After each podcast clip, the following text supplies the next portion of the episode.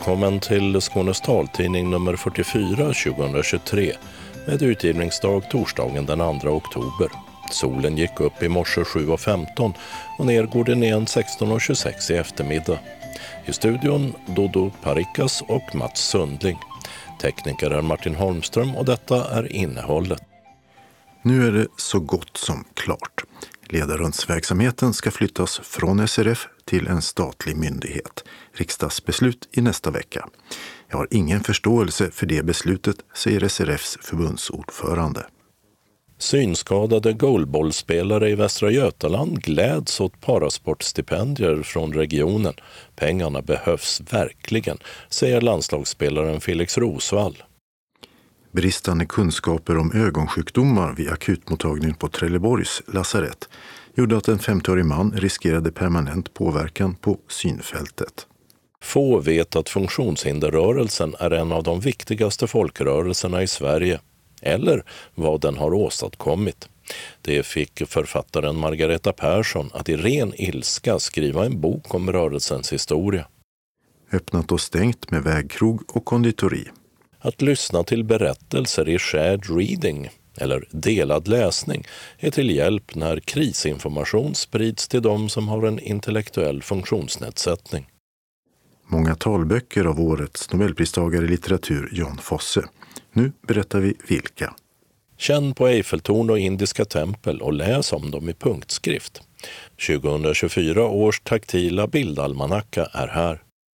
Evenemangstipsen innehåller bland annat syntolkad bio, afropop och julkonsert. Och kalendern bjuder på stålpremiär och säsongsavslut. Anslagstavlan innehåller regionala och lokala meddelanden och en del trafikmeddelanden. Sist kommer redaktionsrutan.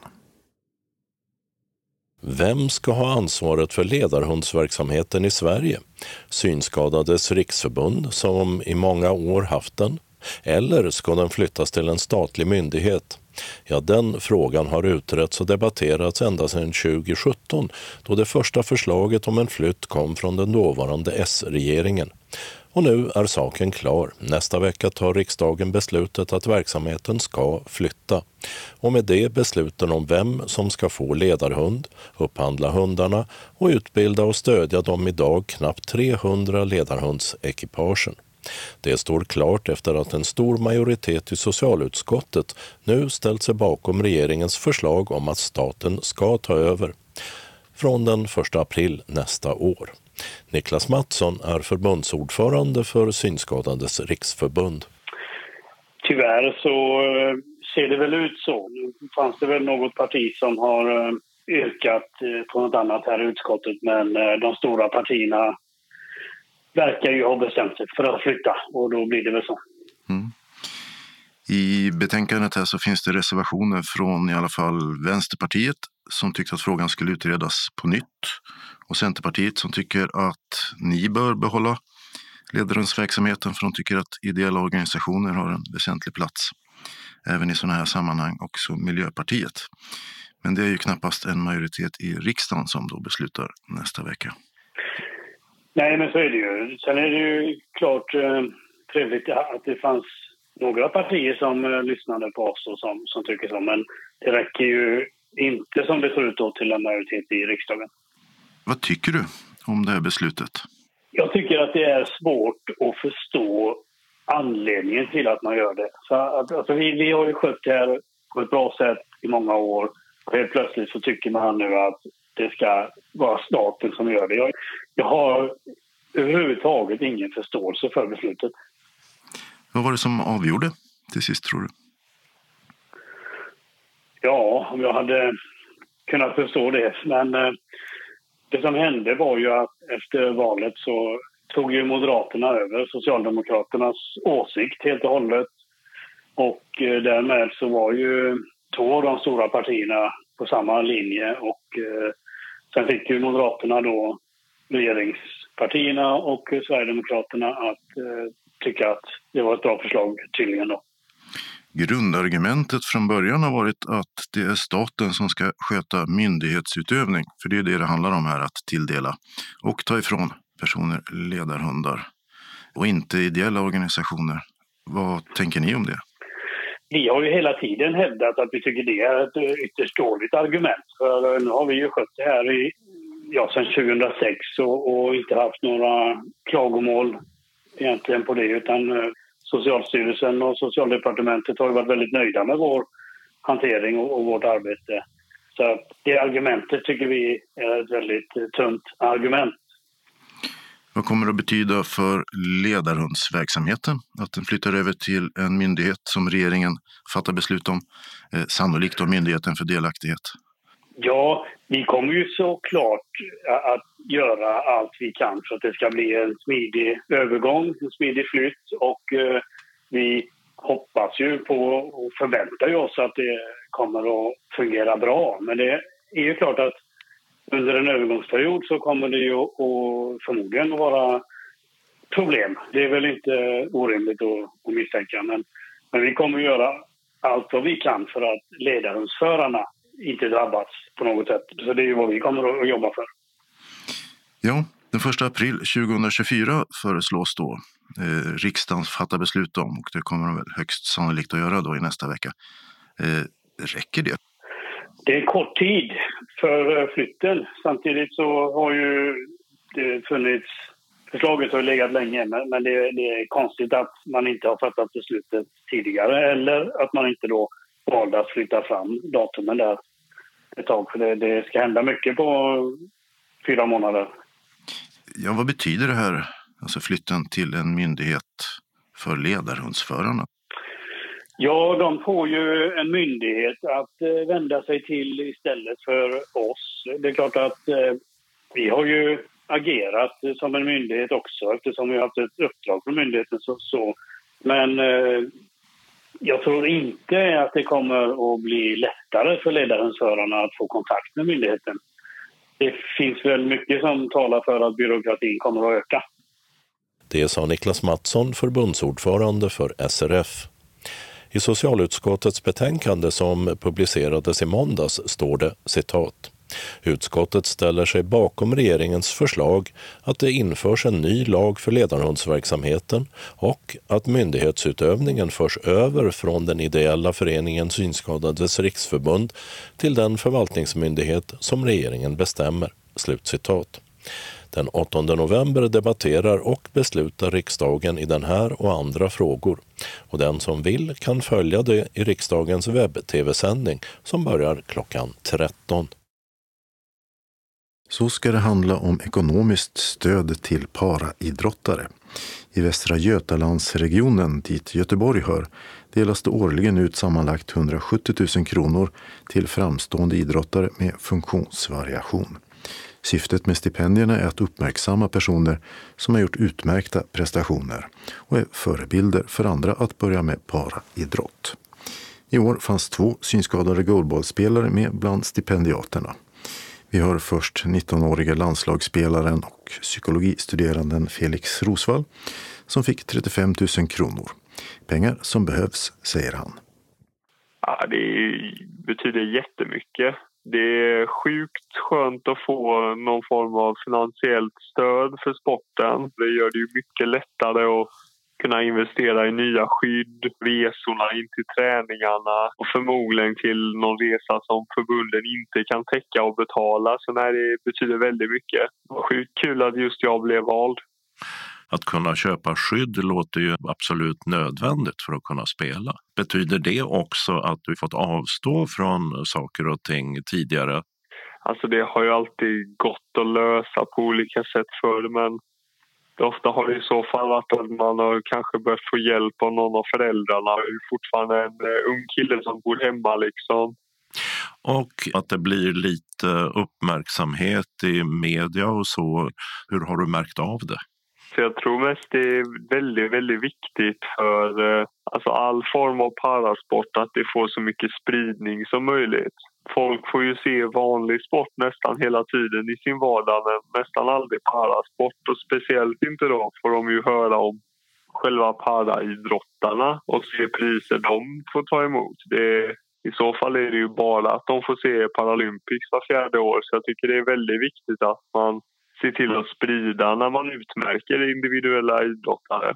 Det sa Felix Rosvall, synskadad goalballspelare i Göteborg, som alltså fick den högsta stipendiesumman 35 000 kronor av sammanlagt 170 000 kronor som delades ut till olika paraidrottare. Han fick den i klassen enskild idrottare på internationell nivå. Medan Arvid Ryberg, 25 år, synskadad goalballspelare han med, erhöll 10 000 i klassen unga ledare. Vi hör Dick Stenberg, idrottskonsulent på Västra Götalands parasportförbund. Det betyder ju jättemycket för våra olika idrottare. Det är ju svårt ofta, även på elitnivå som parasportare, att kunna få till exempel sponsorer eller andra ekonomiska stöd. Så ofta kan det här stipendiet de får vara droppen i bägaren som gör att de kan fortsätta och rinna vidare i sin idrottssatsning, idrottskarriär stöttar upp, åka på tävlingar, köpa material, allt. Så det är ofta, jag har hört många hjärtevärmande historier från idrottare runt omkring i regionen som har fått detta stipendiet. Och eh, hur är det med den mediala uppmärksamhet som blir? Vad spelar den för roll? Det varierar ju lite från år till år hur stor den mediala uppmärksamheten blir. Men när den väl blir så det är nytta också den individuella idrottaren kan ta och ha. För jag menar, även om de får stipendiet så det behövs alltid mer pengar i en elitidrottssatsning till exempel. Så där kan de ju peka på detta och ha med det och visa när de söker sponsorer eller försöker hitta samarbetspartner i sin idrottskarriär. Ett lag till exempel kan ha stor nytta av det. Det är bra att ha att peka på. Har ni konkreta exempel på att uppmärksamhet och lite pengar ger mer uppmärksamhet och mer pengar? Det, det, finns det ju. Och jag vet ju själv, eh, jag spelar i ett curlinglag, rullstolscurlinglag. Där hade vi kanske inte medial nytta av det direkt, men den ekonomiska nyttan var ju enorm för vi kunde åka på fler tävlingar, vi kunde köpa in bättre material och sådana här grejer. Har du någon bild av hur det ser ut i övriga delar av landet? Det vill säga, pratar ni med idrottare i andra delar av eh, Sverige, andra avdelningar och får höra att de är avundsjuka eller säger vi har det också likadant? Eller hur, hur ser det ut? Ja, vad jag förstår så just ett sånt här direkt bidrag från sin region eller landsting som det hette förr i tiden, det tror jag inte finns i övriga Sverige. Men Sen finns det kanske varianter på kommunnivå eller såna här grejer i andra delar av Sverige men ett sånt här omfattande bidrag känner inte jag till att det finns någon annanstans i Sverige faktiskt. Och ja, de är avundsjuka när, de, när det berättas om det. För det är ju i våran värld enorma belopp. Eh, jag menar 10 000, 20 000, det, det är jättestora belopp i våran värld. Ibland till och med mer. Eh, det är ofta det som har varit eh, grejen som har gjort att man har orkat, kunnat och haft råd att fortsätta sin satsning. Jag tror också faktiskt att det funkar åt andra hållet också. Inte bara det att idrottarna och eh, parasporten i regionen får stöttning av det. Jag tror att politikerna som jobbar med det här, som sitter i nämnden, som delar ut, för dem blir det en ögonöppnare också. Oj, vilken verksamhet som pågår i vår region. Det här med parasport, de kanske inte ens hört talas om det ibland men när detta väl händer och de ska ta beslut och tjänstemännen har gett dem underlaget så jag tror det funkar åt det hållet också om du förstår vad jag menar.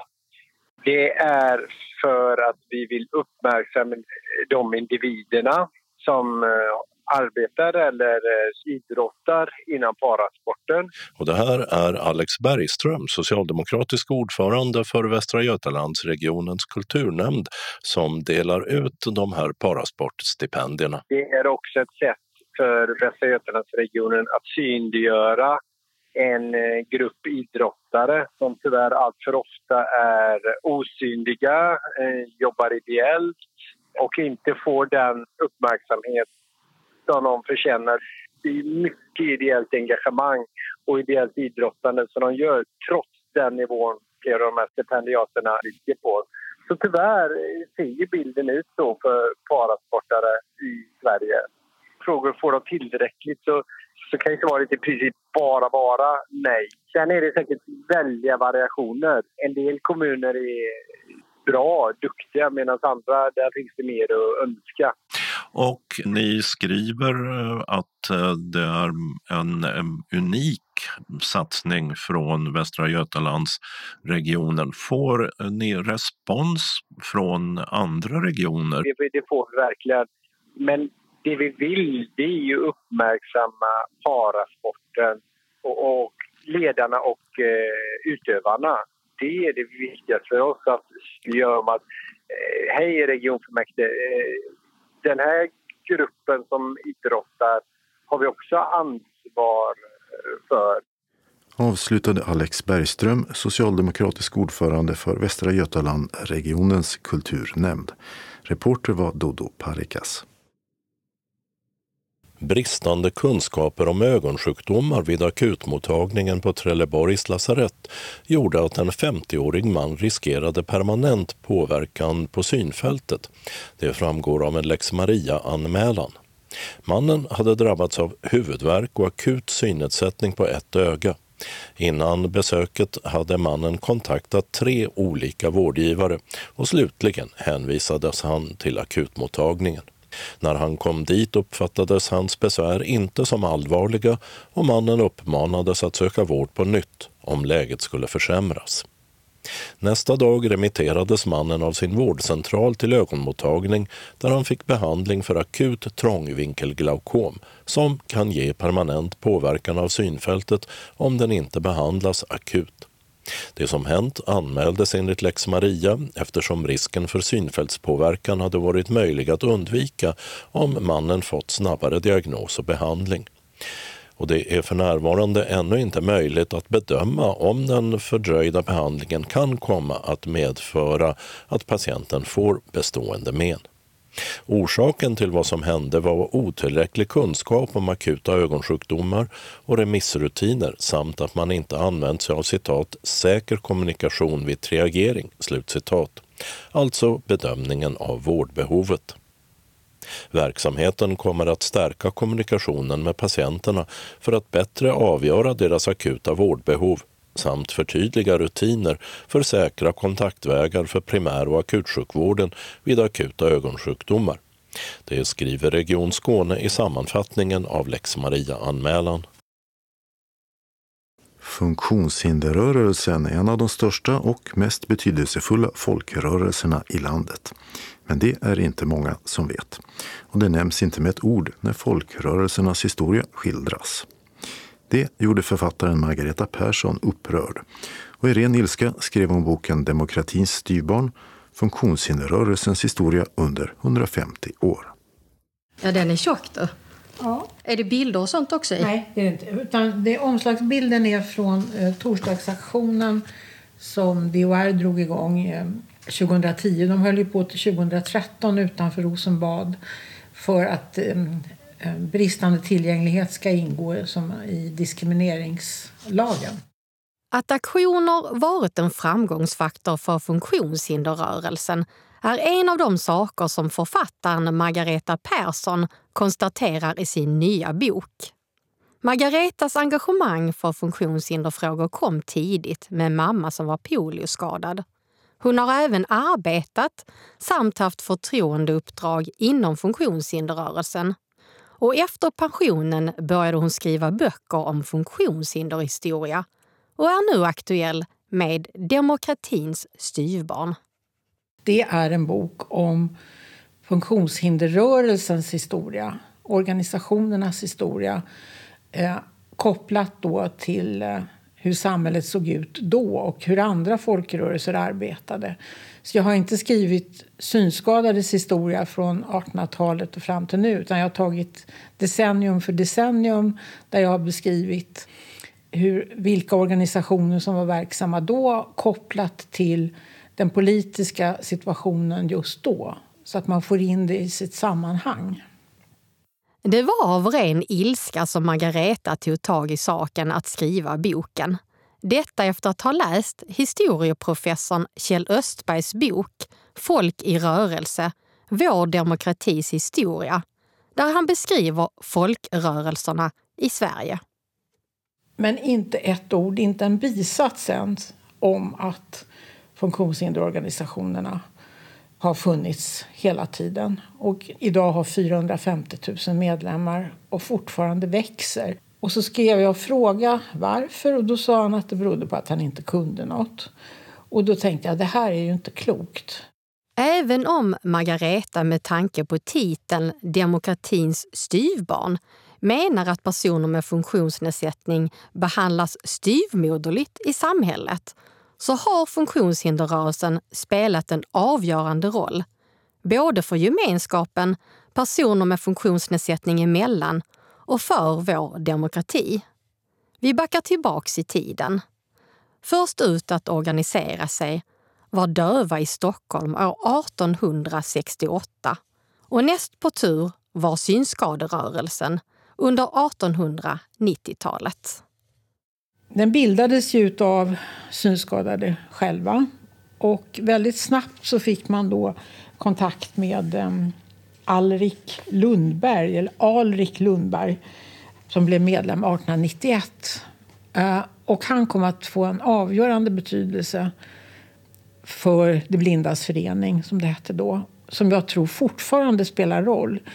För han var då blind, eh, men han kom ifrån överklassen, hade alla kontakter och han var ganska välutbildad. Och genom att han hade de här överklasskontakterna så kunde han få eh, till stånd välgörenhetsinsatser, pengar som De blindas förening då själva kunde vara med och se till hur de skulle användas. Alltså punktskriftsbibliotek och punktskriftstidning och allt det här. Det fanns ju ingenting tidigare och så satte de igång den verksamheten. Det var så smart upplagt genom att man behöll kontrollen över sin egen organisation eh, samtidigt som det byggdes upp välgörenhetsorganisationer runt omkring där man fick in pengar. Och det här är ju ingen annan funktionshinderorganisation som har lyckats med. Och det kan man ju undra vad det beror på. Och där tror jag att han som person betydde mycket, att han hade de här kontakterna. Mm. Men sen är det antagligen också att synsätten... Det var finare att vara blind än att vara döv. Alltså i, I gamla tider så har det varit så. Och det spelade nog roll, för de, de dövas organisation de fick inga pengar. Och de hade ju mycket, mycket sämre på många sätt genom att de inte fick något stöd. Mm. Men vad, vad berodde det på då? Alltså att synsättet Eh, på blinda var bättre? Ja, det har ju funnits en massa myter om att blinda personer eh, de är visa och kloka och de är mera vad kan jag säga, intellektuella på olika sätt. Medan då döva har betraktats som lite dumma inom citationstecken.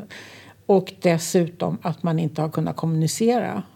Så att det har varit finare genom historien att vara blind. Och Det kan ha spelat roll när det gäller välgörenhetsinsatser. Men också det här då att den här Alrik Lundberg hade kontakterna och kunde prata för, för saken. Och där hade ju döva svårt eftersom de inte kunde förmedla ens sina behov. De blindas förening var duktiga lobbyister och på 1920 och 30-talet kämpade man för att få så kallad blindhetsersättning det som idag kallas merkostnadsersättning. Och då var det en borgerlig regering och då tog man Socialdemokraternas partisekreterare Gustav Möller som satt i riksdagen. De använde de honom som ledsagare och så kom de in i riksdagen och eh, de satte sig i eh, sammanbindningsbanan som finns i gamla riksdagshuset. Och sen så passerade alla politiker där och stannade upp och så fick de prata med alla. Alltså det här att placera sig på rätt ställe mm. och så att kunna använda sig då av en politiker som ledsagare. Mm. Och sen vann Socialdemokraterna valet 1932 och då satte Gustav Möller, som blev socialminister, igång den här. Så att det blev blindhetsersättning. Så, så blinda var de som fick den här så kallade, det som kallas merkostnadsersättning idag eh, först av alla? Ja, så ja. det drog, tog ju jag tror det tog uppåt 30 år till andra fick. Så att det här var ju långt före alla andra. Till en början fick man bara vara medlem i De blindas förening om man hade blivit blind före 65 års ålder och om man hade arbete något som senare luckrades upp. Att vara en god medborgare, visa på att man var arbetsför och hade en hög moral var viktigt i synskaderörelsen såväl som inom funktionshinderrörelsen i övrigt. Man hade starka krav på hur man skulle uppföra sig. Eh, som den här eh, ordföranden då, Alrik Lundberg, han pratade om att blinda har inte lättjebaciller i blodet. Och, och så. Eh, och det här har ju kommit igen. Jag hittade i tidningar som DHR hade på, jag tror det var på 50-talet att att eh, extra viktigt för oss vanföra att uppföra oss ordentligt och moraliskt och inte tigga och, och så. Och det var ju också eh, Blindas förening var ju otroligt emot att man eh, de blinda som försörjde sig genom att tigga eller sjunga eller på stan och så. Det var inte fint. Mm. Men man kan förstå det därför att fördomarna var så stora och då måste man visa att man var en god medborgare för att bli behandlad som en god medborgare och då skulle man vara extra ordentlig. I sin bok lyfter Margareta otaliga exempel på avgörande händelser ur funktionshinderrörelsens historia. Den stora gemensamma första aktionen det var 1942 när de då eh, aktiva organisationerna gick samman och bildade det första samarbetsorganet. Och det var för att man upplevde att man hade svårt att få jobb oavsett om man var synskadad, döv, hörselskadad, rörelsehindrad. Och då gick de organisationerna ihop och bildade samarbetsorgan som då var väldigt aktiv just i arbetsmarknadspolitiken och fick igenom att staten satte igång en utredning som sen föreslog väldigt mycket åtgärder på funktionshinderområdet med skyddad anställning och allt det som man sen såg. Under vänsterrörelsen 1968 kom nästa stora förändring när aktivisten Wilhelm Ekensten, som hade både syn och rörelsenedsättning, skrev boken På folkhemmets bakgård och anklagade samhället för att inte inkludera personer med funktionsnedsättning. Och där var ju funktionshinderrörelsen väldigt snabb på att ta till sig vad Willem hade skrivit. Och redan 1972 så beslutade den samlade handikapprörelsen, som det kallades då, inom HCK eh, att ta ett program, Ett samhälle för alla, där man pekade ut det miljörelaterade handikappbegreppet. Alltså att jag kan ha en funktionsnedsättning, jag kan ha en sjukdom men om det ska bli ett stort problem för mig det handlar om hur samhället ser ut och vilket bemötande jag får. Och det förändrade ju också samhällets syn och det politiska samhällets syn på funktionshinder. Att man förstod att det här är någonting som är väldigt politiskt. Det här är någonting vi kan göra någonting åt. Det är inte bara individers problem utan det är en samhällsfråga. Så det var ju otroligt viktigt att man samlades kring det programmet. Sen på 1980-talet kom försöksverksamheten med personliga assistenter igång av Stockholm Independent Living och med Adolf Ratzka i spetsen. Något som till en början möttes av en del motstånd. Dels var det så att rörelsehinderorganisationerna hade då drivit på väldigt aktivt för att få boendeservice. Alltså från att man hade bott på långvårdssjukhus och haft, eller haft dålig hemhjälp och så, så skulle man kunna flytta in i, i kategorihus där det fanns eh, hjälp att ringa på men man hade sin egen lägenhet. Och det här hade man ju drivit på då. Och då ville man kanske värna det här som man först hade satt igång. Men sen var det också det här att man tänkte att personliga assistenter, det, det kommer bara de som är otroligt, eh, vad ska jag säga, skärpta och kapabla att kunna ha alltså, eftersom man skulle sköta mycket själv och ta ansvar för eh, anställning och så det fanns en oro kring det där. Och så fanns det nog någon oro om att det skulle bli privatiserat. Och man tyckte att det var samhällets ansvar att tillhandahålla hjälp och att man inte själv skulle behöva agera arbetsgivare. Och fackföreningsrörelsen var tveksam för att man tänkte att eh, det skulle bli någon, någon ny sorts hembiträden som skulle fara illa. Ehm, men sen så insåg man ju att det här var en väldigt bra idé. Och Bengt Lindqvist som då var socialminister satte igång en utredning om det här. Och sen under Bengt Westerberg, när han var socialminister, så lades det här fram till riksdagen och en enig riksdag beslutade om det här 1994. Så det var ju också ett initiativ som betydde otroligt mycket. Det är ju organisationerna som har startat i princip all verksamhet som idag finns. Alltså från punktskriftsbibliotek till eh, eh ledsagare till eh, fritidshem för utvecklingsstörda. Allt, allt har startats en gång av föreningarna själva med hjälp av välgörenhetspengar. Då. Men man har faktiskt satt igång allting själva. Och det var jag nog inte riktigt medveten om. Att funktionshinderrörelsen lyckats med en hel del råder det ingen tvekan om. Men finns det något de lyckats mindre med? Jo, det är flera som jag intervjuade som uh, har framfört att man har lyckats med alla de här specifika reformerna som även nu börjar naggas i kanten, då, men från, som ledsagning, personlig assistans och så. Men allt det här som rör de stora strukturella frågorna och det här har Bengt Lindqvist ofta talat om. Där har man inte nått framgång kring arbetsmarknad, ekonomi, socialförsäkringar. Man kan väl säga att det är ett misslyckande att man inte har fått igenom synsätten på på människan, alltså alla människors lika värde. För på riktigt har man ju inte riktigt anammat det i samhället.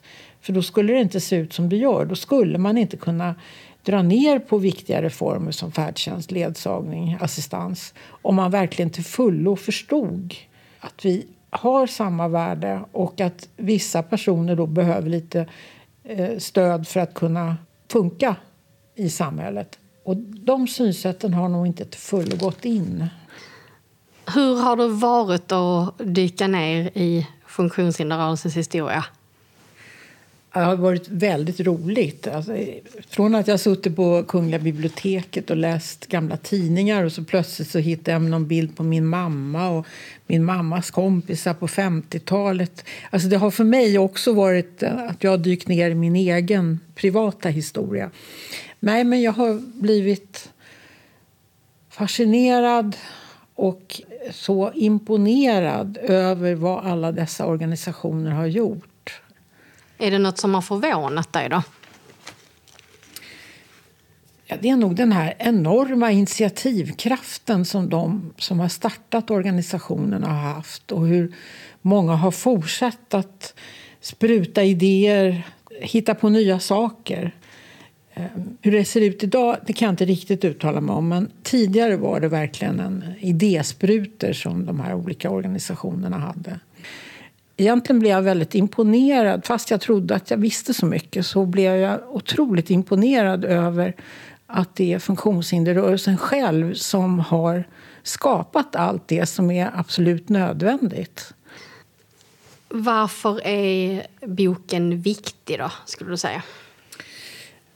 Jag tror att den är viktig för dels för de som är medlemmar i funktionshinderorganisationerna därför att de flesta tror jag idag inte känner till historien.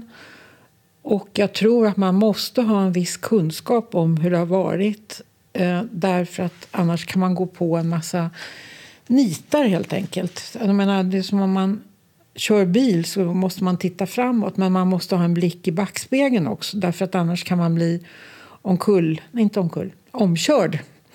Eh, man, man, vet inte vad som händer om man inte har koll på hur det har varit tidigare för då kan det komma förslag som, man inte, som kanske bottnar i en ganska obehaglig eh, människosyn. Och man måste ha koll på det här för att inte ja, gå på nitar. Och det, det är nog det ena. Och det andra är att jag hoppas att boken läses av eh, andra historiker och, och, så som inte har med funktionshinderrörelsen att göra men för att förstå att den här folkrörelsen är något man måste ta med i den allmänna historiebeskrivningen. Man kan inte fortsätta ge ut böcker om 1900-talets eh, utveckling om man inte har med funktionshinderrörelsens betydelse. För att utan den så hade vi inte haft alla de här reformerna som faktiskt finns eh, på funktionshinderområdet. Och att det här har varit en extremt viktig kraft för de själv, människor själva som har en funktionsnedsättning. Att man har haft det här som kamratorganisationer där man har fått självförtroende och allt det här. Som ju har varit ännu viktigare än för den som eh, har varit med i andra föreningar. Och det här måste komma in i historiebilden för att det ska bli en, ja, en korrekt historia. Och att det inte ska vara någonting, att funktionshinderrörelsen inte ska vara något vid sidan om som inte har med samhället i stort att göra. Eh, har du berättat för den här Kjell, vad heter han nu, Östberg? Kjell Östberg. att du har skrivit boken? Eh, nej, men han ska få ett meddelande nu om att den går att köpa. Sa Margareta Persson som skrivit boken Demokratins styvbarn, funktionshinderrörelsens historia under 150 år. Den finns i punktskrift och som talbok. Och sen intervjun gjordes har Margareta Persson skickat den till Kjell Östberg men inte fått något svar. Reportaget gjordes av frilansreportern Anna Bergholtz. Och I löpsedeln på vår hemsida finns en länk till en intervju från 2019 med Margareta Persson som månadens ansikte. Där hon berättar om sin uppväxt med en mor som hade polio och vägen in till att arbeta med funktionshinderfrågor. Öppnat och stängt. I Skurup har vägkrogen Fars hatt öppnat igen efter att ha varit stängd i ett år. Här serveras lunchbuffé med fokus på skånsk husmanskost. Krogen ligger ut med E65 mellan Skurup och Ystad. Adress Hylteberga 1915, Skurup. I Ystad har teleservicebutiken på Stora Östergatan stängt efter drygt 30 års verksamhet. Och i Ystad har en ny inredningsbutik öppnat på Böckaregatan 12. Förutom ljus, keramik med mera ska här också säljas knoppar och beslag framöver. I Trelleborg har Queens sportbar på Algatan 8 öppnat igen med ny ägare efter att ha varit stängd en tid. Förutom sportbaren finns här en stor uteservering och så planeras det för danskvällar. I Malmö har konditorikedjan Konditori Katarina öppnat nytt på Hanögatan 2 i den växande stadsdelen Nyhamnen bakom Centralstationen. Sen tidigare finns eh, Katarina på en rad andra platser i Malmö och dessutom i Trelleborg och Höllviken.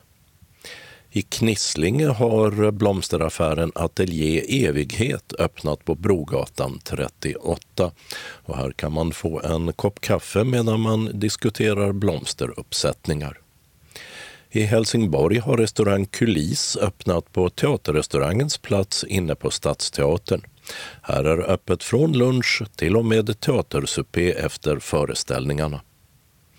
I Helsingborg har butiken Blommor från oss på Kullagatan 12 gått i konkurs och stängt. Och I Helsingborg har även Möllans smörgåsbutik på Gasverksgatan 33 stängt.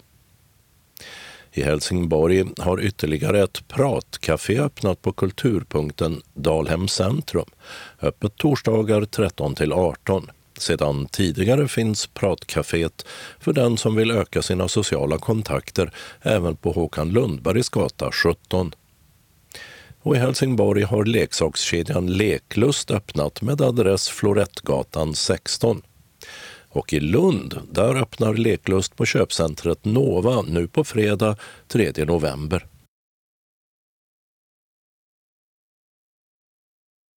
hur personer med funktionsnedsättning mer aktivt kan involveras i kris och beredskapsarbete. Ja, det försöker forskare hitta metoder för i ett projekt. Och en som doktoranden Linda Stjernholm använder sig av är en form av högläsning, shared reading.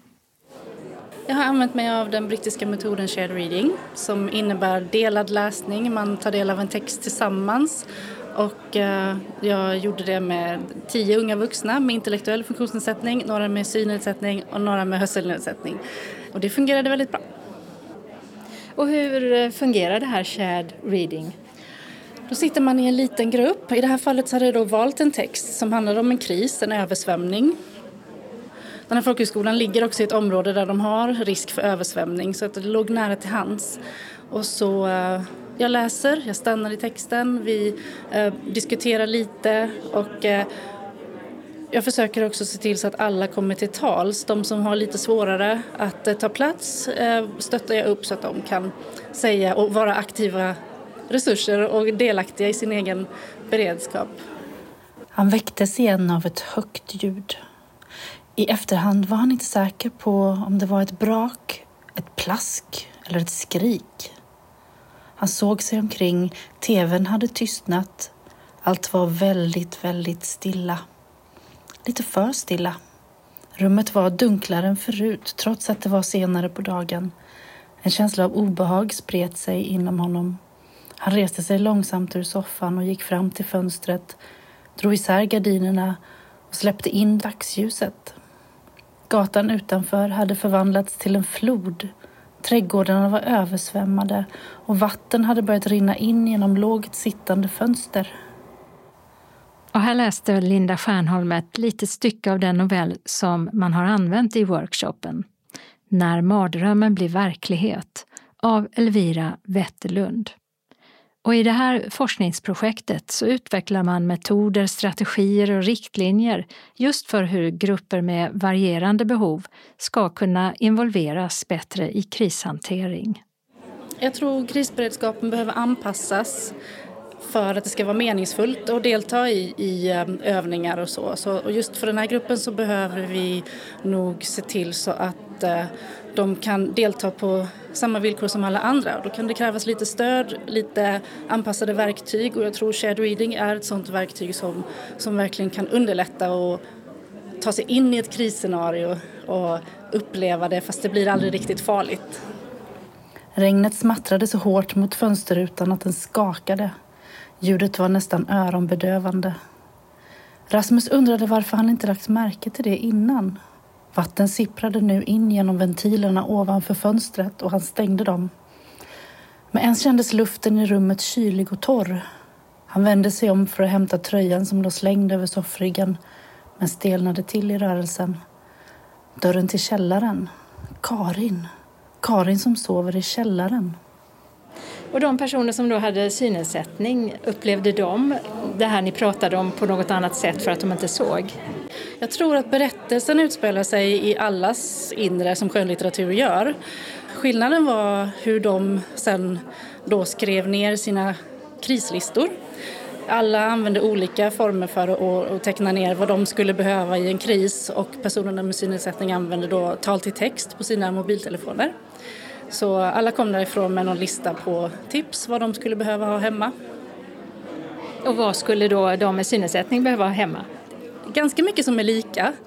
Men eftersom de var individuella så kunde det handla om batterier till hjälpmedel, extra utrustning och liknande. Men också om man är hundägare så ska man ju ha mat. Så att det handlar ju också om individen, inte bara om, om deras funktionsnedsättning utan vad är det just jag behöver. Och hur tycker du när du jobbar med det här att eh, krisberedskapen för personer med funktionsnedsättning, hur tycker du att den är? Jag tror att det finns eh, många luckor som vi skulle kunna göra bättre. Jag tror att det precis har börjat uppmärksammas att vi behöver involvera personer eh, med egna erfarenheter som är med i och då måste vi också se till så att de kan delta meningsfullt och inte bara inkluderas i rummet utan också som aktiva partners i i krisberedskapsarbetet. Och Linda Stjärnholm säger att man också haft kontakt med olika organisationer för personer med funktionsnedsättning. Bland annat genom workshops i Lund och Malmö. Vi har haft workshops och övningar innan. Vi fick fram jättevärdefulla saker. Det var olika typer av funktionsnedsättningar representerade och bland annat då en person med synnedsättning som kom med väldigt mycket intressanta råd vad vi skulle kunna ta med oss till MSB bland annat men också värdet av att kunna öva innan. Till exempel om du ska hitta ditt skyddsrum så skulle du behöva ta reda på var det ligger och få ledsagning kanske för att eh, kunna öva sig hur den vägen ser ut eller hur, hur man tar sig dit. Eh, för sen i kris så är det ju ett annat läge och har man inte övat då, då, då blir det svårt. Det sa Linda Stjernholm, doktorand i designvetenskaper vid LTH i Lund. Och forskningsprojektet heter Från passiv mottagare till aktiv resurs i krishanteringssystemet. Och det finansieras av Myndigheten för samhällsskydd och beredskap. Reporter var Åsa Kjellman Erisi. Den norske författaren Jon Fosse blev ju årets nobelpristagare i litteratur. Och förutom Morgon och kväll som nämndes i månadens talbokstips i förra numret av taltidningen så finns en lång rad böcker av Fosse som talbok och i punktskrift. Det andra namnet, roman, del 1 och 2 av Septalogin, inläsare David Zetterstad, talbok med text, punktskrift. Jag är en annan, del 3, 4 och 5 i Septalogin, talbok med text och punktskrift under produktion.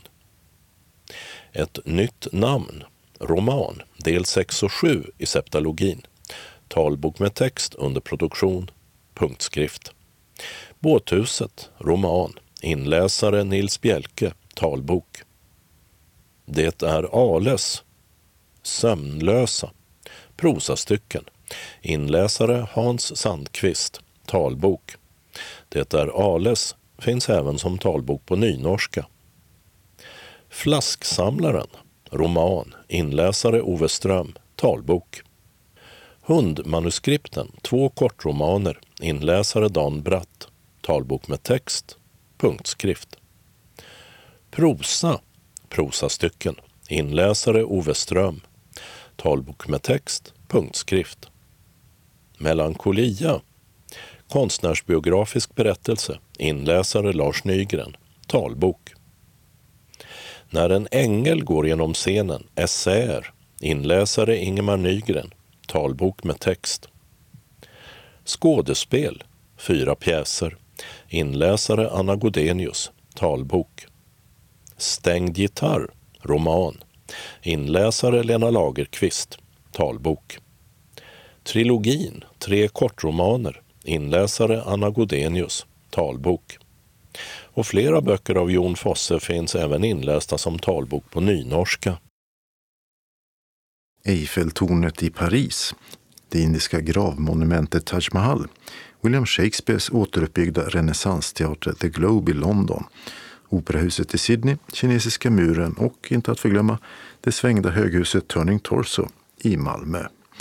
Ja, det är en del av de märkesbyggnader världen runt som presenteras i 2024 års taktila väggkalender från Myndigheten för tillgängliga medier, MTM. I nedre vänstra hörnet av varje månadsbild finns också en taktil bildruta med en liten människofigur som i förhållande till byggnadsverket ska ge en uppfattning om dess storlek. För varje månad finns även ett boktips i punktskrift och storstil som anknyter till bilden för den månaden. Det kan vara deckare, klassiska dramer och fantastik för både vuxna och barn. Till exempel för Tony Torso-bilden finns boken Udda verklighet av Nene Ormes som utspelas i Malmö och riktar sig till unga vuxna. Alla böckerna finns att låna via MTM och de flesta titlar finns även som talbok. Iris Hjälpmedel säljer kalendrarna och de kan köpas av personer som läser punktskrift och taktila bilder. Evenemangstipsen börjar redan ikväll, torsdag den 2 november och fredag den 3 november då Malmö symfoniorkester framför Faurés Requiem på Malmö Live. Det är ju allhelgona-tider. En hyllning till det vackra och förgängliga i livet är rubriken och MSO kommer också att spela ett stycke ur Gustav Mahlers andra symfoni. Med på scen är också Petri sångare, sopransolist är Alexandra Büchel och bariton Fredrik Zetterström. Dirigent är Eivind Ådland. Konserterna börjar klockan 19 och en timma långa. Biljetter för mellan 145 och 460 kronor säljs av Malmö Live. Här fick de som prenumererar på Skånes taltidnings nöjesmail en direktlänk till Malmö Live. Nöjesmejlet innehåller evenemangstipsen i textformat som till exempel går att klippa ur och spara någon annanstans. Nöjesmejlet kostar inget och vill du också ha det går det bra att höra av sig. Kontaktuppgifterna finns i redaktionsrutan sist i tidningen. Vilken historia heter en syntolkad tv-serie för 10 till 12-åringar som har premiär den 2 november på Utbildningsradions programsajt UR Play. I åtta kvartslånga avsnitt ska man få hänga med på en humoristisk resa genom historien. En okunnig regissör försöker utan framgång göra film om Vasatiden, stormaktstiden, frihetstiden och den gustavianska tiden. Om man bara visste hur man såg ut, vad man åt, vilka yrken som fanns och vad folk gjorde på dagarna. Och varför hände det som hände? Vilka var orsakerna och vad blev konsekvenserna? Syntolkningen är gjord av Sari Eliasson och ovanligt nog kommer som på tablå-tvns tid ett avsnitt i taget släppas varje vecka på torsdag morgnar.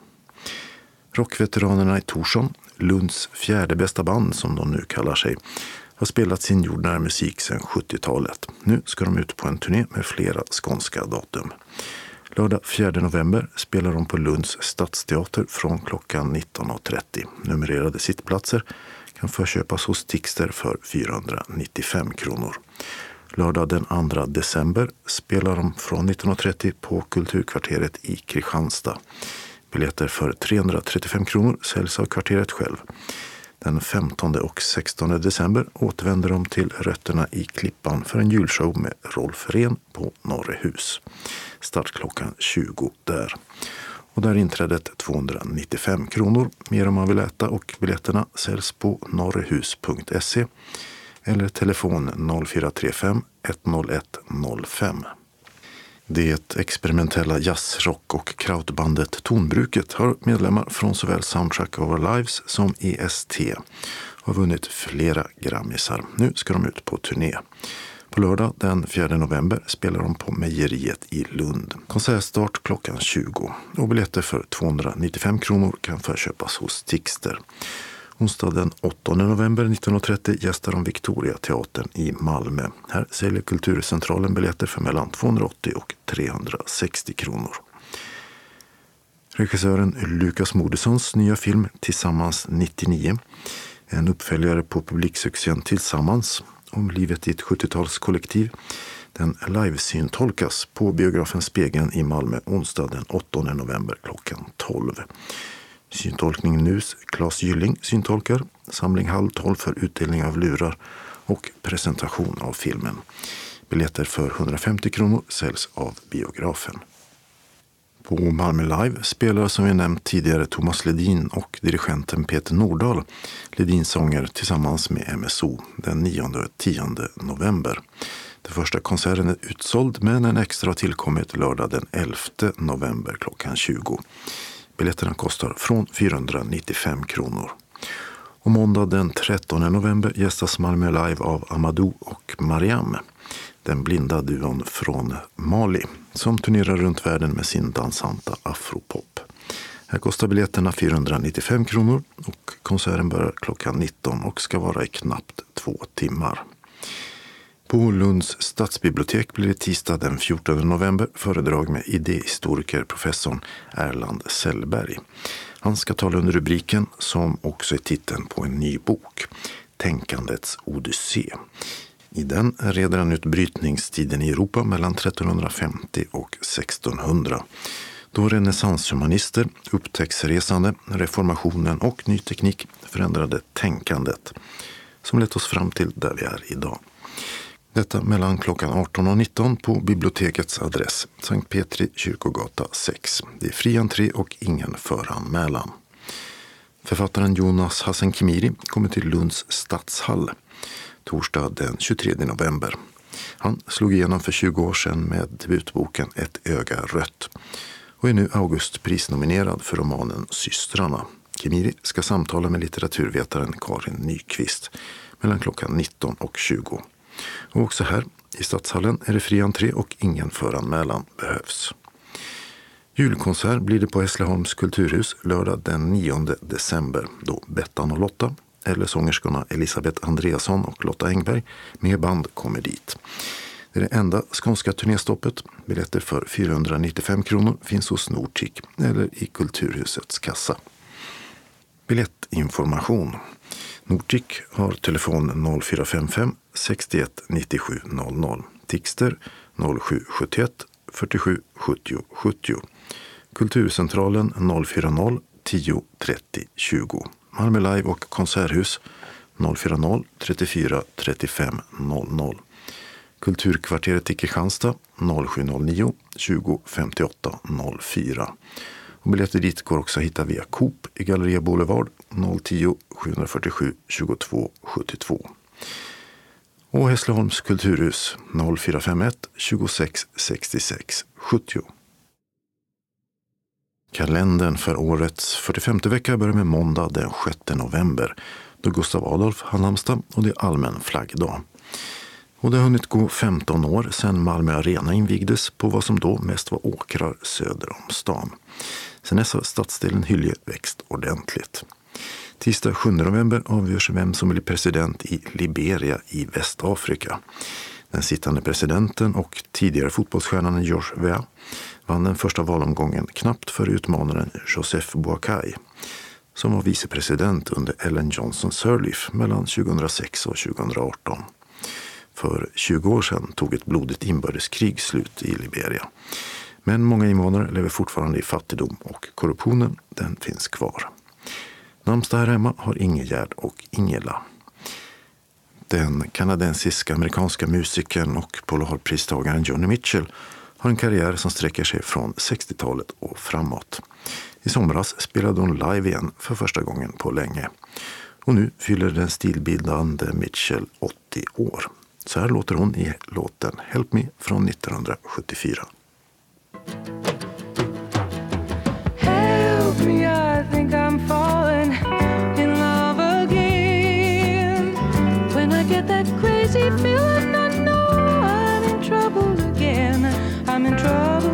cause you're a rapper and a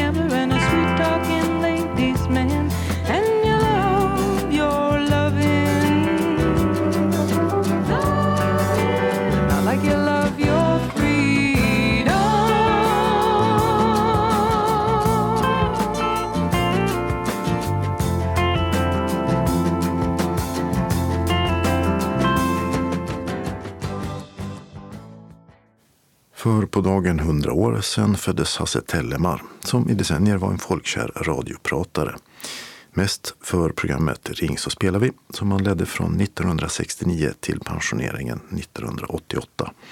Där han visade att han kunde prata med de mest ordknappa inringare. En vanlig replik i programmet blev också titeln på biografin. Det var i alla fall roligt att komma fram. Hasse Tellemar gick bort 2012, 88 år gammal. Onsdag 8 november firar vi Vendela. I riksdagen debatterar och beslutar man alltså, som vi hörde tidigare i tidningen, om ansvaret för ledarhundsverksamheten i Sverige ska tas ifrån Synskadades riksförbund och föras över till en statlig myndighet. Det har regeringen föreslagit och så blir det sannolikt om nu inget oförutsett inträffar. Söder om Lund invigs vad som sägs vara världens första byggnad med fossilfritt stål. Det är en industrilokal byggd av fastighetsbolaget Vilborgs i samarbete med bland andra ståljätten SSAB som satsar hårt på så kallat grönt stål eller hybridteknologi. Det ska göra både stål och byggindustrin mer klimatneutral och den svenska klimat och miljöministern kommer vara på plats. Torsdagen 9 november har alla som heter Theodor och Theodora namnsdag. Fredag 10 november får arbetsmarknadsminister Johan Persson från Liberalerna svara på frågan vad han vill vidta för åtgärder för att bekämpa arbetslöshet bland och diskriminering av unga med funktionsnedsättning. Det är en så kallad interpellation från en socialdemokrat i riksdagen med den nästan 50-procentiga arbetslösheten i gruppen och Arbetsförmedlingens minskade resurser och kompetens som bakgrund. Den som är intresserad av svaret kan följa debatten från klockan nio. Och så är det namnsdag för Martin och Martina. Och vid skånska bord vankas det gås med krås, för det är Mårtens afton. Lördag den 11 november är det följaktligen Mårten som har namnsdag. Sista omgången i damallsvenskan spelas och FC Rosengård från Malmö tar emot Kalmar på hemmaplan. Medan Vittsjö och Kristianstad spelar borta mot Örebro respektive Linköping. Men något SM-guld till Skåne är inte att räkna med. I framförallt den anglosaxiska världen uppmärksammar man Armistice Day eller Remembrance Day. Och det är vapenstilleståndet som avslutade första världskriget man minns och alla som dog innan kanonerna tystnade. Den elfte timman, den elfte dagen, den elfte månaden 1918. Alltså för 105 år sedan. Och samma dag, fem år senare, alltså 1923, greps en viss Adolf Hitler i München efter ett misslyckat försök till nazistisk statskupp dagarna innan. För sin del i den så kallade ölkällarkuppen dömdes han till fängelse och skrev där boken Mein Kampf. Tio år senare var Hitler Tysklands diktator med allt som följde på det. Söndag 12 november är det Fars dag. Sista omgången i årets fotbollsallsvenska spelas och serietvåan Malmö FF tar emot tabellettan Elfsborg.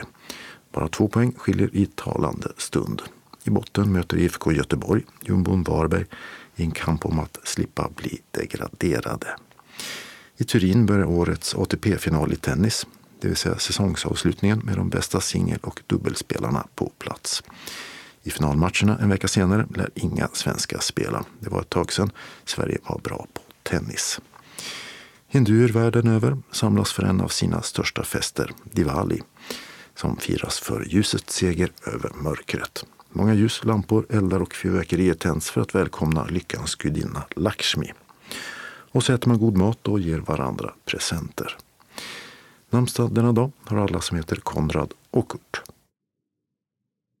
Den regionala anslagstavlan börjar med ett meddelande från Rut och Per Lundins stiftelse. Bidrag lämnas för att främja vård av behövande synskadade som är bosatta i Skåne. Ansökan ska lämnas in senast 15 november. Information och ansökningsblankett finns på hemsidan stiftelseansokan.se under social hjälpverksamhet. Du kan också få blanketten genom att skicka ett frankerat kuvert till adressen Rut och Per Lundins stiftelse COSEB Private Banking Stiftelser KG5 postnummer 10640 Stockholm. Och RUT stavas R-U-T-H och Per P-E-H-R. SRF Malmö Svedala bjuder in hela Skåne till en konsert med Bo Kaspers Orkester på Malmö Arena fredagen den 9 februari 2024 19.30 och det är två timmar utan paus på Malmö Arena, Hylje stationstorg 2, Malmö. Pris 680 kronor, ledsagare kostnadsfritt. Vi träffas innanför entrédörrarna cirka 18.30 för att du ska få din biljett och lämna in kläder i garderoben. Hemresan kan du beställa till efter 21.40 och som vanligt stannar någon av oss kvar. Du blir aldrig lämnad ensam. Nordens största liveband tar med sig det helt nya formatet Bo Kaspers Orkester in Concert och åker ut på en turné som sammanfattar mer än 30 år av musikalisk framgång. Bo Kaspers Orkester har konstant omdefinierat sin musik. Genom åren har de smidigt rört sig mellan jazz, funk, pop, visa och soul. Du betalar in på föreningens bankgiro 192-9645 eller swish 123 077 8050 senast onsdag 31 januari 2024 så att betalningen sker 2024 och inte 2023. Glöm inte att skriva Bo Kasper och namnet på deltagaren vid betalningen. Och det här gäller endast för medlemmar utanför Malmö, nämligen att reseersättning utgår från SRF Skåne för resor utanför Malmö efter att kvittot har skickats in senast tre månader efteråt.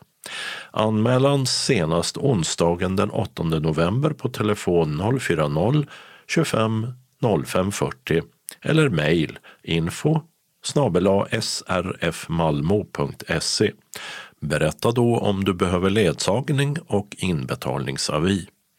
Skulle ni ha frågor eller om det uppstår problem under dagen, ring Maj-Britt Ryman 0703 24 66 09. Hjärtligt välkomna! Anslagstavlan för mellersta, sydöstra och sydvästra Skåne inleds med att SRF Lundabygden bjuder in till Mårtensfest den 11 november. Det har blivit dags för en redig skånsk gåsamiddag. Den avnjuter vi på Örestads golfrestaurang. med den skånska gåsen med de traditionella tillbehören, svartsoppa eller kantarellsoppa, skånsk äppelkaka och kaffe. Glöm inte meddela vilken soppa du önskar när du anmäler dig. Föreningen bjuder på alkoholfri dryck men önskar du något starkare betalar du det själv på plats. Vi rekommenderar att ni bokar färdtjänst till 19.30-19.45 då vi ska vara ute ur restaurangen senast 20.00. Tid 16.00, plats Örestads golfrestaurang, Golfvägen 4, Lomma. Sista anmälningsdag den 2 november. Till kansliet 046 211 06 74 eller e-post lundabygden srf.nu. Deltagaravgiften är 200 kronor per medlem som du betalar in på bankgiro 506-9962 eller via swish 123 587 8244. Varmt välkommen! SRF Lundabygden bjuder också in till bokprat med Berit Hedman från Klostergårdsbiblioteket som tipsar om bra talböcker i olika genrer samtidigt som det bjuds på fika. Det kommer även att finnas utrymme för att tipsa varandra om våra egna läsupplevelser. Tid 13.30 till 15.00 den 15 november och 6 december. Sista anmälningsdag 13 november. Du anmäler dig till kansliet. Och SRF Lundabygden bjuder också in till hjälpmedelsvisning den 15 november. Det är Polar Print som kommer till föreningslokalen och berättar mer om GoBox, förstoringskameror och den senaste talboksspelaren Victor Stream 3. GoBox Plus läser textremsan på din TV och har en inbyggd talsyntes. Efter en enkel installation kan den läsa upp undertexter från vilken kanal eller tjänst som helst. Plusmodellen kan även förstora texten upp till två gånger samt förstärka kontrasten. Och det bjuds även på kaffe och kaka. Tid 18.00 och 20.30. Sista anmälningsdag 13 november till kansliet. Varmt välkommen! SRF Malmö Svedala välkomnar till dagverksamhet vecka 45. Vi serverar kaffe och smörgås eller kaka till en kostnad av 10 kronor. Man anmäler sig till kansliet 040 25 05 40 om man tänker komma på någon av dagaktiviteterna senast klockan 10 samma dag som aktiviteten. Måndag 6 november 13 till 15 träffas vi och umgås med lite fika och diskuterar aktuella nyheter samt läser lite ur tidskrifter. Ibland hinner vi även med frågesport. Och tisdag 7 november 13 till 15 och 15 blir det bingo och fika. SRF Malmö Svedala bjuder sen in till sopplunch på föreningen fredag 10 november 13.00. Vi gästas av Gunilla Pettersson från Bellevigårdsbiblioteket. Därefter serveras en mustig höstsoppa som avslutas med kaffe och kaka.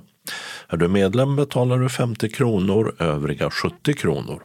Anmäl dig till kansliet på telefon eller mejla info srfmalmo.se senast tisdag 7 november. Glöm inte att anmäla allergi eller specialkost.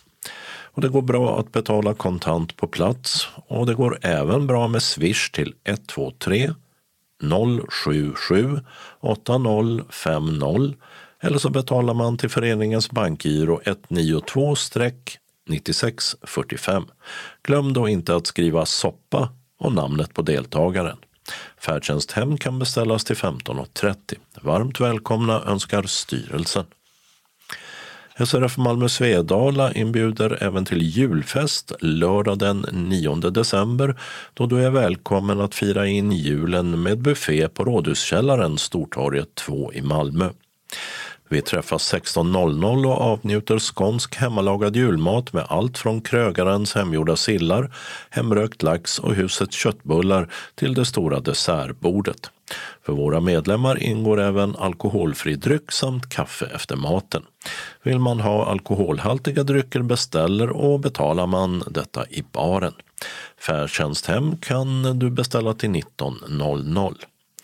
Medlemmar i SRF Malmö Svedala betalar 300 kronor per person, övriga 650 kronor per person. Deltagaravgift betalas in via bankgiro 192 9645 eller swish 123 077 8050 senast 30 november. Skriv jul och deltagarens namn vid betalningen. Anmälan eh, tas emot eh, via telefon eller mejl och senast onsdag 15 november. Meddela vid anmälan ledsagarbehov om du har allergier eller behöver särskild kost och om du behöver ett inbetalningskort. Vi har begränsat antal platser så först till kvarn gäller. Välkomna till en eftermiddag med god mat och trevliga vänner, önskar styrelsen. Och så inbjuder SRF Malmö Svedala till en musikalisk fredagsträff. En trevlig stund då vi har glädjen att ta emot trubaduren och underhållaren Pontus Stenqvist fredag 24 november 13.00 i föreningens lokal Wendelsfridsgatan 13 i Malmö. Föreningen bjuder på enklare förtäring och en godbit till kaffet. Medlemmar i SRF Malmö får det för 50 kronor, övriga 100 kronor som betalas kontant på plats till föreningens bankgiro eller med Swish senast måndag 20 november. Glöm inte skriva fredagsträff och namnet på deltagaren vid betalningen. Färdtjänsthem kan beställas till 15.30 och anmäl dig till kansliet på telefon eller e-post. Meddela om allergi eller specialkost. Hjärtligt välkommen önskar styrelsen. SRF Ringsjöbygdens medlemmar hälsas välkomna till Karidal den 14 november. Vi gör ett nytt försök att träffa Selma från apoteket för att höra om sömn. Vi träffas 17.30 till 19.30. Adress Tröskevägen 2, Eslöv. Anmäl er till Bo senast 6 november på nummer 0705 58 77 74 eller 0413 54 13 33. Varmt välkomna! SRF Sydöstra Skåne hälsar välkommen till gåsamiddag. Det blir gås med alla goda tillbehör soppa med vaniljsås och kaffe. Vill du inte ha svartsoppa så finns alternativ soppa. Meddela när du anmäler dig vilken soppa du vill ha. Vi träffas på Husargården 19 november. Startar klockan 13 och smörjer kråset fram till klockan 16. Till underhållningen kommer två glada musikanter som kallar sig Knet och Bunna att sköta. Vi kommer även att gå igenom nästa års verksamhetsplan som vi hoppas ska kunna finansiera. Adress till Husargården är Hörbyvägen 301-15 i Sjöbo. Priset för synskadad medlem och stödjande medlem 250 kronor. Anmäl dig senast 12 november till jonny.ekstrom srfskane.se JOHNNY.EKSTROM Mobiltelefon 0739 09 39 45 eller Vicky Svedrell 0708 37 53 58 E-post strepponi snabelaggmail.com S-T-R-E-P-P-O-N-I Uppge vid anmälan om du har rullstol eller rollator, egen ledsagare, ledarhund eller är i behov av särskild kost. Synskadade medlemmar får sina reskostnader ersatta efter att vi senast tre månader efter aktiviteten fått kopia på kvitto eller färdtjänstfaktura. Du betalar till bankgiro 5435 4303 eller swish 1234 415 071. Välkommen till en härlig gåsamiddag på Husargården, hälsar styrelsen. Så en del tillfälliga ändringar i busstrafiken. På Slottsvägen i Barsebäck anläggs ett nytt övergångsställe vilket gör att hållplats Barsebäcks strand, läge A mot Barsebäcks hamn för linje 124 är stängd till och med 3 november klockan 16. Hänvisning till Sjöbo skola på Pinhättevägen, det vill säga en kilometer och 300 meter åt sydväst. I Malmö byggdes ju Gustav Adolfs torg nyligen om för de stora Malmöexpressen-bussarna. Nu pågår nya vägarbeten som inte gick att samordna med de föregående. Och detta pågår till och med 6 november 04.15 i en första etapp som berör både torget och närliggande hållplatser.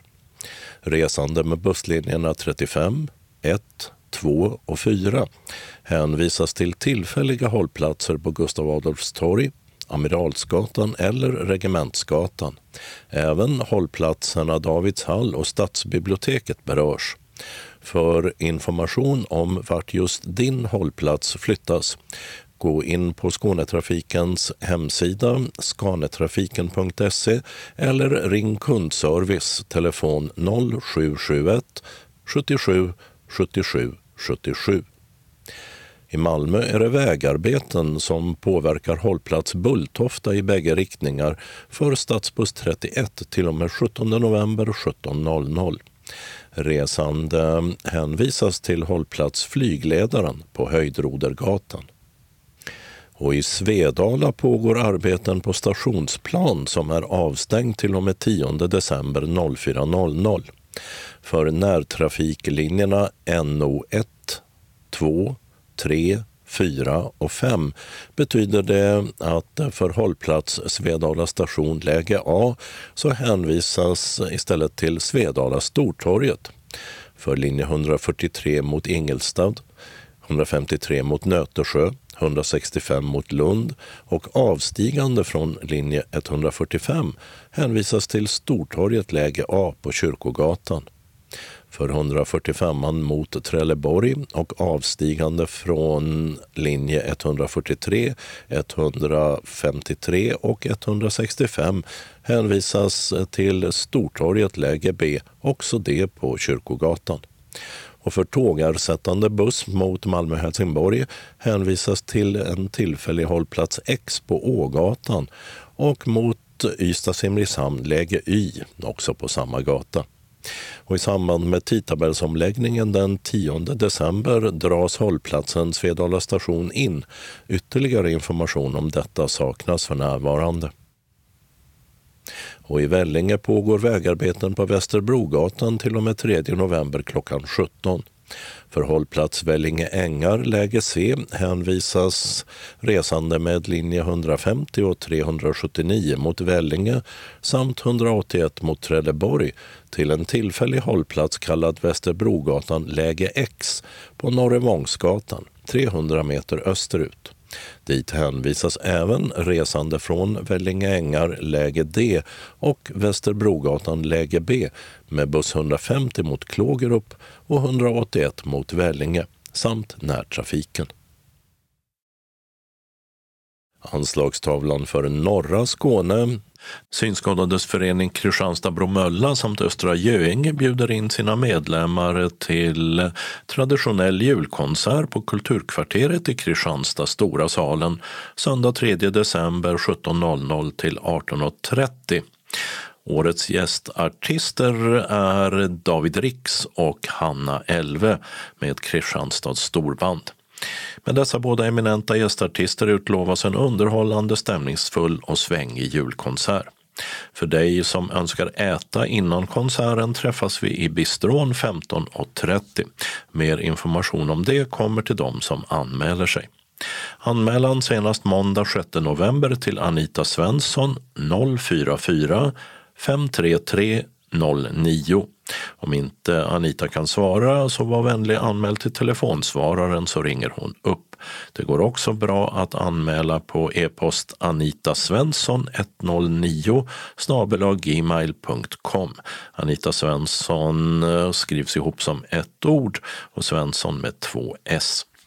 Ange behov av ledsagare. Anmälan är bindande.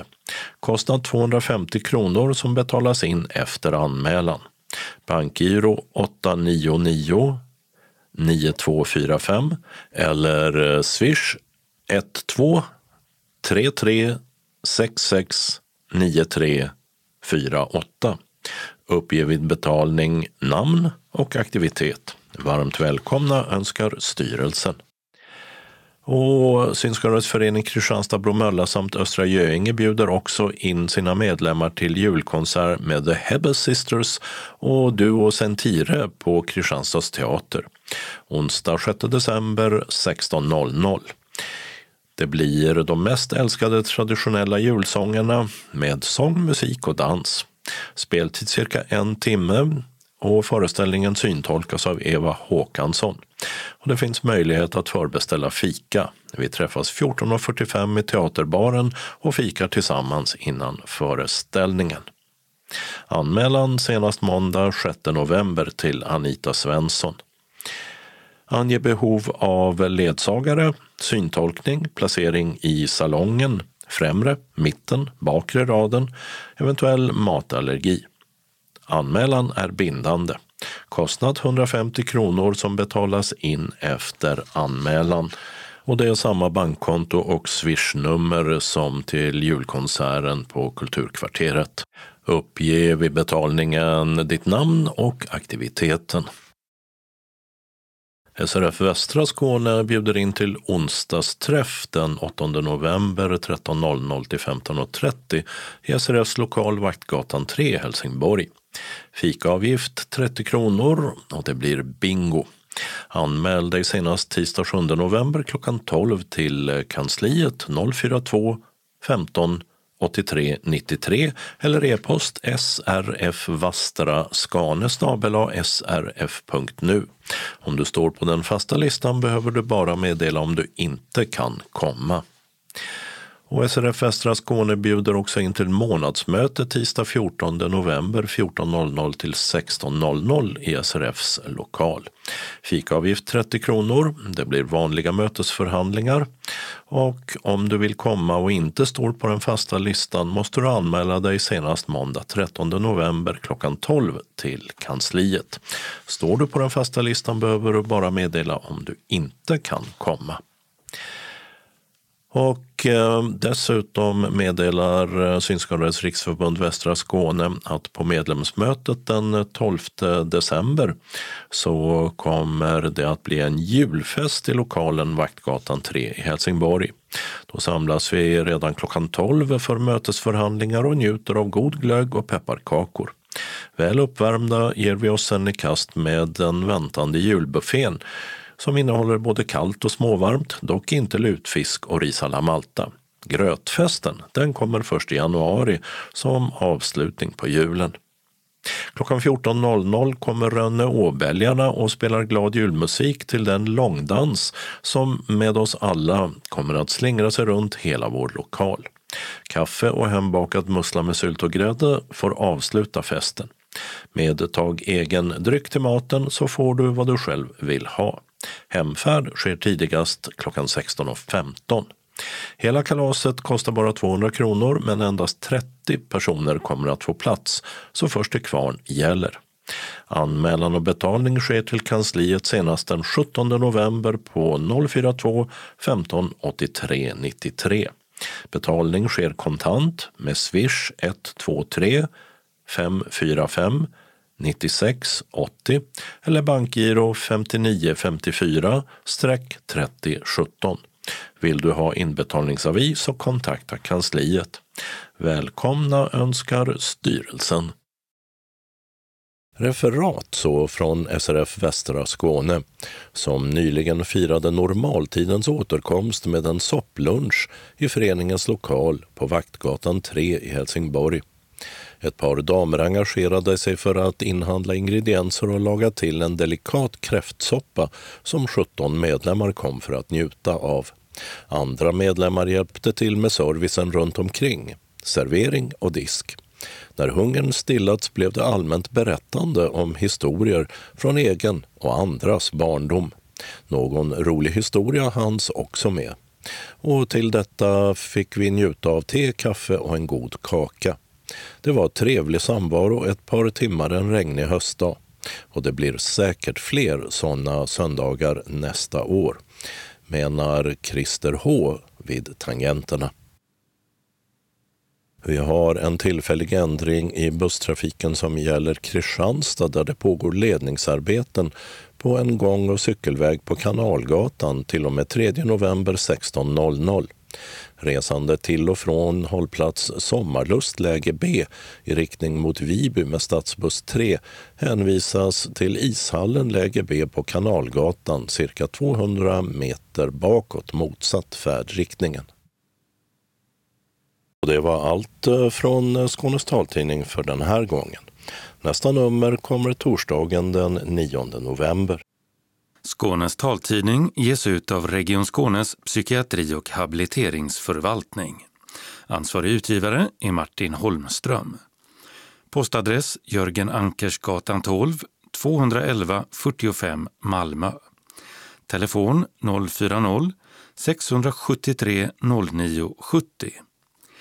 E-post Skanes taltidning snabela skane.se och hemsida skanestaltidning.se.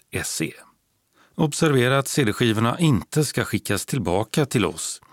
Såväl skivor som kuvert kan läggas i brännbara sopor när ni inte längre vill ha dem. Vi hörs igen. Hej då!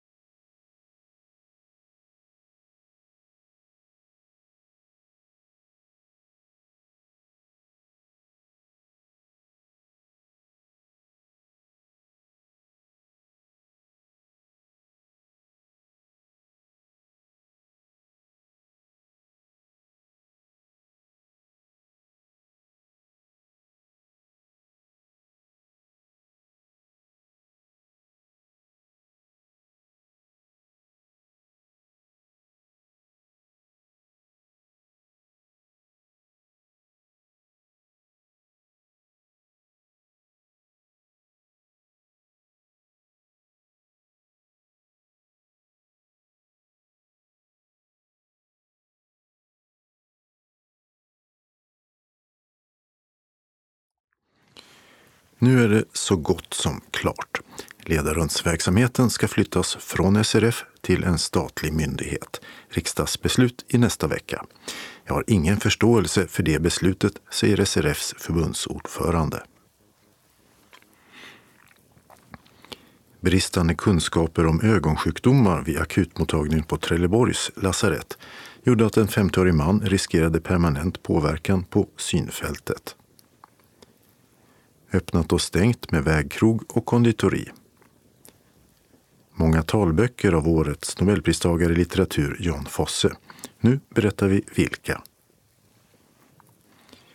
Evenemangstipsen innehåller bland annat syntolkad bio, afropop och julkonsert. Anslagstavlan innehåller regionala och lokala meddelanden och en del trafikmeddelanden. Sist kommer redaktionsrutan. Så ska det handla om ekonomiskt stöd till paraidrottare. I Västra Götalandsregionen, dit Göteborg hör, delas det årligen ut sammanlagt 170 000 kronor till framstående idrottare med funktionsvariation. Syftet med stipendierna är att uppmärksamma personer som har gjort utmärkta prestationer och är förebilder för andra att börja med paraidrott. I år fanns två synskadade goalballspelare med bland stipendiaterna. Vi hör först 19-årige landslagsspelaren och psykologistuderanden Felix Rosvall som fick 35 000 kronor. Pengar som behövs, säger han. Avslutade Alex Bergström, socialdemokratisk ordförande för Västra Götaland-regionens kulturnämnd. Reporter var Dodo Parikas. Funktionshinderrörelsen är en av de största och mest betydelsefulla folkrörelserna i landet. Men det är inte många som vet. Och det nämns inte med ett ord när folkrörelsernas historia skildras. Det gjorde författaren Margareta Persson upprörd. Och i ren ilska skrev hon boken Demokratins styrbarn, funktionshinderrörelsens historia under 150 år. Sa Margareta Persson som skrivit boken Demokratins styvbarn, funktionshinderrörelsens historia under 150 år. Den finns i punktskrift och som talbok. Och sen intervjun gjordes har Margareta Persson skickat den till Kjell Östberg men inte fått något svar. Reportaget gjordes av frilansreportern Anna Bergholtz. Och I löpsedeln på vår hemsida finns en länk till en intervju från 2019 med Margareta Persson som månadens ansikte. Där hon berättar om sin uppväxt med en mor som hade polio och vägen in till att arbeta med funktionshinderfrågor.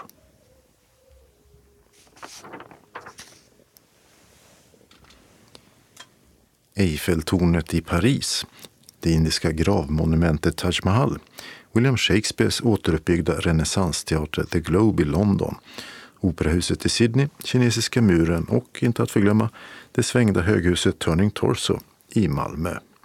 Ja, det är en del av de märkesbyggnader världen runt som presenteras i 2024 års taktila väggkalender från Myndigheten för tillgängliga medier, MTM. I nedre vänstra hörnet av varje månadsbild finns också en taktil bildruta med en liten människofigur som i förhållande till byggnadsverket ska ge en uppfattning om dess storlek.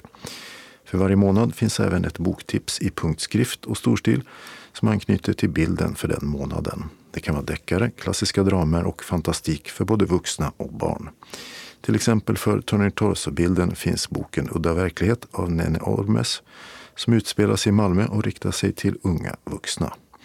Alla böckerna finns att låna via MTM och de flesta titlar finns även som talbok. Iris Hjälpmedel säljer kalendrarna och de kan köpas av personer som läser punktskrift och taktila bilder.